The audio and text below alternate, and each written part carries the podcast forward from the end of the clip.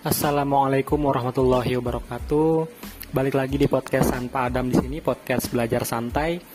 Uh, kemarin banyak banget yang DM di Instagram kalau misalkan nanya nanya-nanya gitu ke Pak Adam, gimana sih Pak buat biar fokus belajar, gimana sih Pak biar uh, terganggu dalam belajar gitu. Terus gimana sih biar konsentrasi uh, dalam belajar. Uh, nah dari pertanyaan-pertanyaan itu, makanya Pak Adam hari ini akan memberikan sebuah tips untuk uh, gimana sih caranya biar fokus dalam belajar ya kan? Uh, Padam harap sih ini bisa membantu kalian lebih konsentrasi lagi lebih fokus lagi dalam mempelajari apa yang kalian uh, pelajari gitu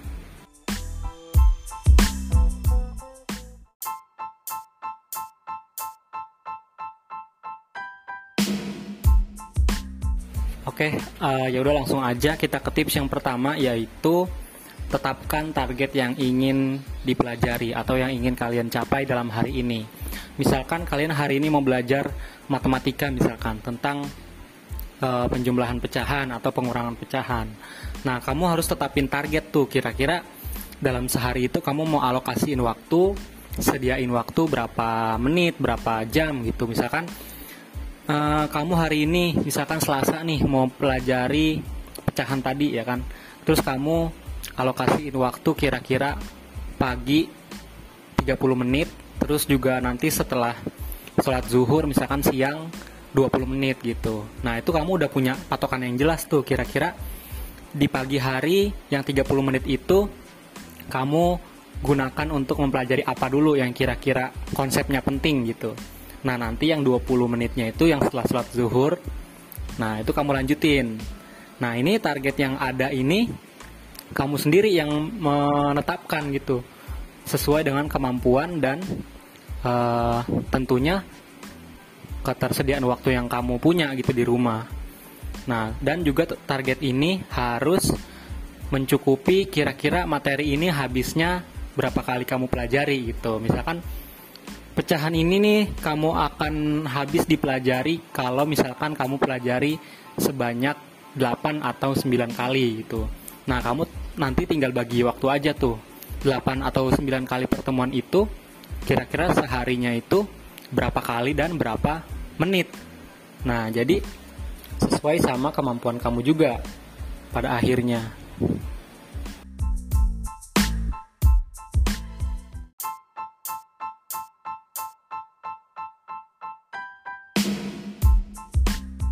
Dan selalu diingat bahwa target ini akan tercapai bila kaliannya itu disiplin dalam belajar.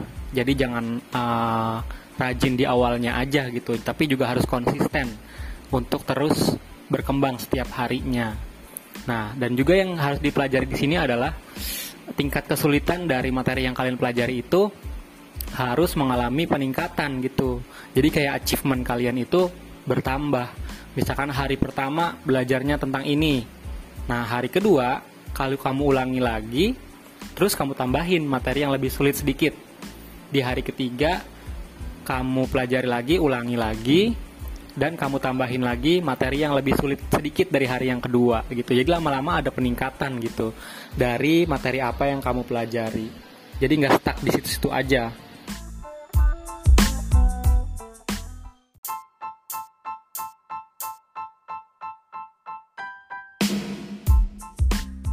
Nah, terus untuk materi, uh, tips yang kedua yaitu singkir singkirkan hambatan-hambatan yang mungkin ada di sekitar kamu.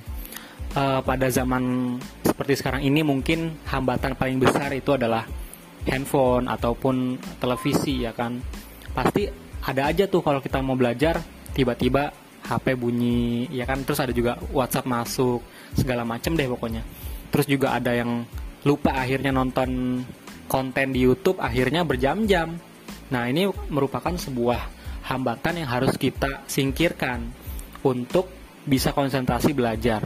Kenapa demikian? Karena kalau kita benar-benar fokus pengen belajar, ya kita harus nyingkirin semuanya yang tidak ada kaitannya dengan materi yang kita pelajari. Jadi kita seperti yang alokasi waktu yang tadi Pak Adam telah jelaskan, misalkan kamu punya waktu 30 menit nih untuk sekali pertemuan belajar. Nah, kamu kalau bisa tinggalin dah tuh hambatan-hambatan yang mungkin bisa mengganggu uh, pelajaran kamu, hal yang kamu pelajari itu. Nah, uh, eh, HP misalkan ini di silent aja gitu. Atau jika mungkin dititipin ke orang tua. Dan juga misalkan ada acara yang bagus di televisi, udah kamu jangan peduliin. Kamu lebih fokus sama apa yang kamu pelajari itu.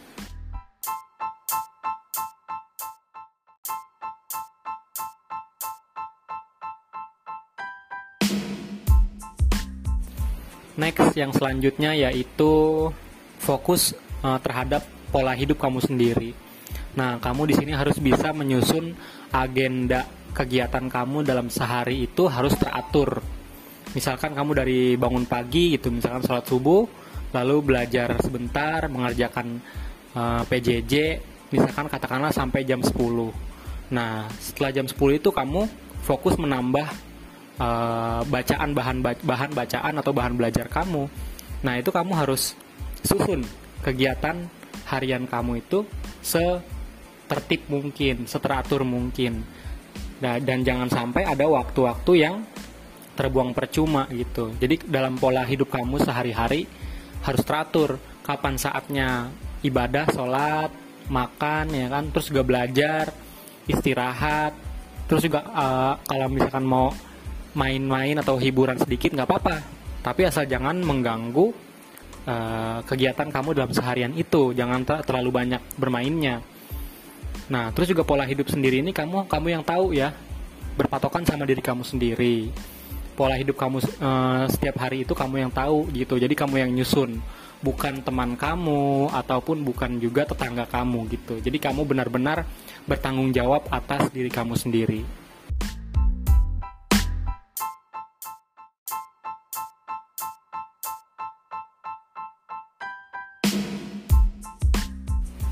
Oke, okay, next, uh, last but not least yaitu yang terakhir jangan berpatokan sama pencapaian orang lain.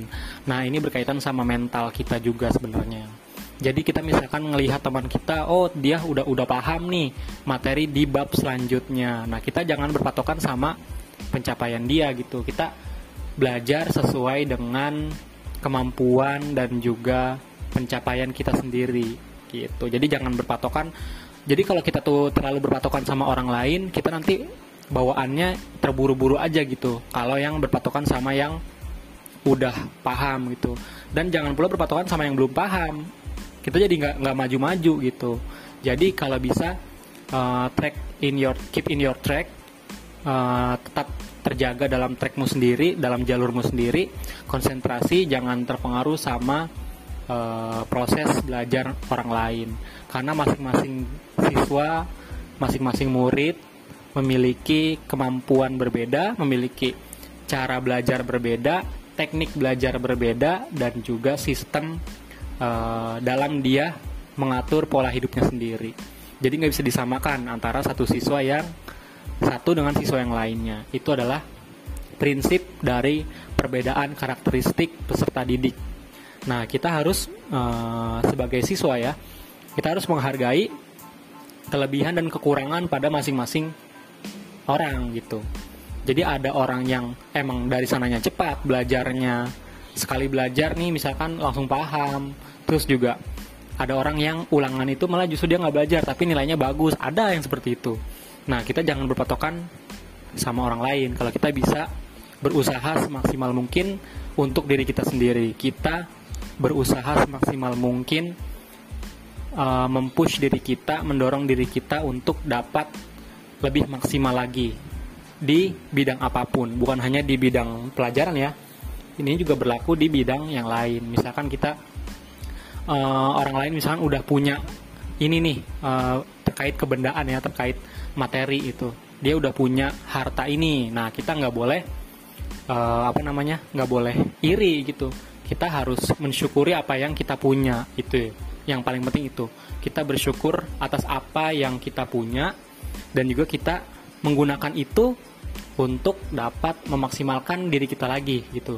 Jadi patokan kita sebenarnya itu bukan orang lain.